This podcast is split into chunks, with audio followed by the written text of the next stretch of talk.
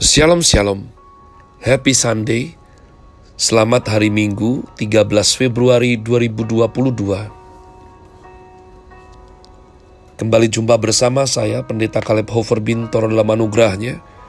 Penuh sukacita sampaikan pesan Tuhan melalui Grace Word yakni suatu program renungan harian yang disusun dengan disiplin. Kami doakan dengan setia supaya makin dalam kita beroleh pengertian mengenai iman, pengharapan, dan kasih yang terkandung dalam Kristus Yesus. Sungguh merupakan kerinduan saya bagi saudara sekalian agar supaya kasih dan kuasa firman Tuhan setiap hari tidak pernah berhenti menjamah hati, menggarap pola pikir dan paling terutama, kehidupan kita boleh sungguh berubah menuju Christ likeness. Tentu masih dalam season spring dengan tema Surrender to the King, Chris Word hari ini saya berikan judul pengakuan iman rasuli bagian ke-111. Tidak jemu-jemu saya ingatkan, jika saudara baru pertama kali ini mendengarkan renungan atau program ini, maka jangan panik mendengar episode ke-111. Itu semua untuk kerapian administrasi.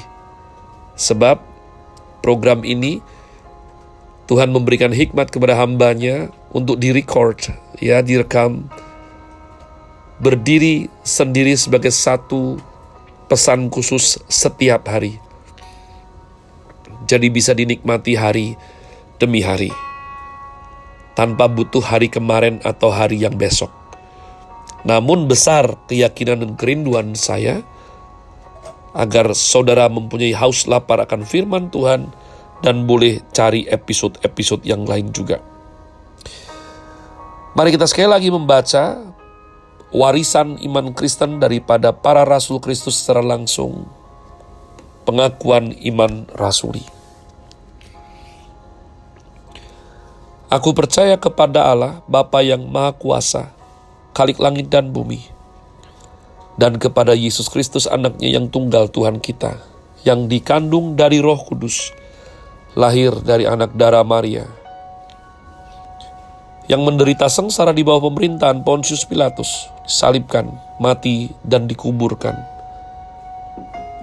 Turun dalam kerajaan maut, pada hari yang ketiga bangkit pula dari antara orang mati, naik ke sorga, duduk di sebelah kanan Allah, Bapa yang Maha Kuasa. Dan dari sana, ia akan datang untuk menghakimi orang yang hidup dan yang mati. Aku percaya kepada Roh Kudus, gereja yang kudus dan am, persekutuan orang kudus, pengampunan dosa, kebangkitan orang mati, dan hidup yang kekal. Amin. Kemarin kita sudah sampai dalam satu statement, aku percaya akan Allah Roh Kudus. Iman Kristen percaya sesuatu yang nyata walaupun tidak kasat mata umat Tuhan. Yakni pribadi ketiga daripada Allah Trinitas, dan kita belajar salah satu ciri khas daripada Allah Roh Kudus adalah roh yang kekal. Apa itu kekal? Mari belajar. Apa itu waktu? Ketika proses tiada, maka waktu tidak ada. Ketika waktu tidak ada lenyap, semua akan menjadi sesuatu yang nihil Ketika waktu telah lewat dari ingatan, kita tetap berada dalam ingatan Tuhan, tersimpan di dalam gudang waktu yang disebut eternal past, kekekalan masa lampau. Gudang waktu yang belum datang disebut sebagai unlimited future, masa depan yang tak terbatas, yaitu waktu yang tidak terbatas, yang belum datang, yang tidak dapat diukur atau diduga waktu yang sudah lewat dan tidak bisa diubah lagi untuk mencatat segala dosa dan kelakuan kita yang tidak beres menjadi unchanging past, masa lampau yang tak dapat diubah. Maka umat Tuhan, kekekalan itu kita pelajari bahwa rentang umur kita seperti Caleb Hofer Bintoro usia 45 tahun saat ini, puji Tuhan ya. Rupa-rupanya saya masih muda sekali, itu Saya bisa mempelajari Saint Agustin misalnya, yang sudah hidup berabad-abad sebelum saya. Saya bisa mempelajari kitab Hosea, Yeremia yang 2400 tahun sebelum saya. Bagaimana bisa? Karena kita mempunyai wawasan kekekalan. Jadi umat Tuhan, di dalam otak kita ini ada disebut memori. Dan memori ini bisa mengingat luar biasa banyaknya. Bahkan hal-hal yang di luar waktu kita lahir. Seharusnya lah saya itu satu, satu, satu. 11 Januari 1977. Saya keluar di muka bumi ini lahir ya sampai saat ini. Tapi saya bisa mempelajari bahkan sesuatu sebelum Masehi. Belajar mengenai Zoroastrianism, agama yang begitu kuno, yang nabinya itu mengklaim pertama kali naik borak, berjumpa dengan dewa di langit. Bisa belajar mengenai Alexander Agung, bisa belajar mengenai Leonidas di tebing panas Thermobile bersama 300-nya. Luas sekali. Seharusnya rentang waktu saya hanyalah dua maaf 1977 sampai 21 2022 sekarang. Tapi sebab manusia diberikan wawasan kekekalan, ya kita pengkhotbah pasal 3 ayatnya saudara cari sendiri, maka kita itu boleh belajar melampaui daripada umur kita sendiri. Seorang berkebangsaan Swiss, Oscar Kuhlman mengatakan, kekekalan adalah kombinasi waktu, ditambah waktu, ditambah waktu. Waktu yang lampau, waktu yang tepat precisely sekarang yang sedang berproses saya recording grow atau pada saat grow di handphone saudara sudah ya Anda buka Anda dengar ini dan waktu yang akan datang yang bahkan belum muncul. Kekekalan, perhatikan, kekekalan bukan waktu. Dan waktu bukan kekekalan. Kekekalan milik Tuhan waktu dicipta untuk manusia.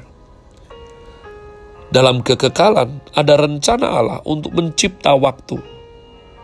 Lalu disimpan dalam sejarah yang disebut sebagai proses perkembangan dalam kekinian. Setiap detik dirajut, disambung tanpa putus dengan detik-detik berikutnya. Setiap saat disusul dengan saat yang berikutnya, setiap menit, setiap hari terus bergerak tanpa bisa dihentikan, diperlambat, atau dipercepat. Semua ini dalam satu proses, di mana waktu merupakan satu proses, sementara waktu bukan kekekalan. Waktu dicipta oleh Allah yang ada di kekekalan, diisi oleh Allah ke dalam kesementaraan ada koneksi antara kekekalan dan kesementaraan, yaitu ketika Tuhan Yesus Kristus lahir di dunia. Ketika Kristus lahir di dunia, terjadi titik kontak antara kesementaraan dan kekekalan, yaitu Allah sendiri yang tetap dan kekal, mengirim Kristus ke dunia yang sementara, yang kekal datang ke dalam kesementaraan yang tidak kelihatan mewujudkan diri melalui tubuh yang kelihatan. Inilah rahasia besar sekali yang hanya diberikan kepada orang Kristen. Firman menjadi daging, rema. Allah beserta dengan manusia. Di sini yang kekal dan yang fana berjumpa. Yang kita kenal sebagai inkarnasi Tuhan Yesus Kristus. Allah menjadi manusia. Allah yang adalah roh, roh yang kekal, turun dari sorga, datang ke dunia yang sementara dan bermateri, lahir dengan tubuh yang berwujud. Inilah inkarnasi. Kaitan kekekalan dan kesementaraan mengakibatkan penyertaan Allah terhadap manusia, sehingga manusia bukan hidup dalam diri sendiri, dalam ciptaan Tuhan, tetapi menikmati Allah Sang Pencipta yang telah menciptakan manusia. Allah yang tidak terbatas, rela membatasi diri di dalam ikatan waktu. Maka aku percaya kepada roh yang suci, Aku percaya kepada Roh Kudus. Berarti kita bersatu dengan kekekalan Allah melalui Roh Penolong yang dianugerahkan kepada kita, sehingga kita mempunyai hidup yang kekal. Hidup yang kekal bukan saja berusaha untuk berhubungan dengan dunia sekarang, tetapi juga berhubungan dengan dunia yang akan kiamat dan masuk dalam kekekalan. Kesementaraan berada di dalam proses kekekalan tidak berada di dalam proses. Dalam proses berarti ada kemarin, hari ini, dan esok hari. Ada batasan mengenai tiga proses tadi. Inilah kesementaraan. Allah yang mengkuasai dahulu, sekarang, dan sesudahnya adalah Allah yang tidak terikat oleh kemarin, sekarang, dan esok. Inilah yang disebut Allah mempunyai sifat transenden, melampaui segala waktu, segala segala-galanya. Saya berdoa supaya engkau memperoleh sesuatu dari sharing hari ini dan menghargai sebab hidup kita dalam kesementaraan ini mempengaruhi nilai kita di dalam kekekalan bersama Tuhan nanti.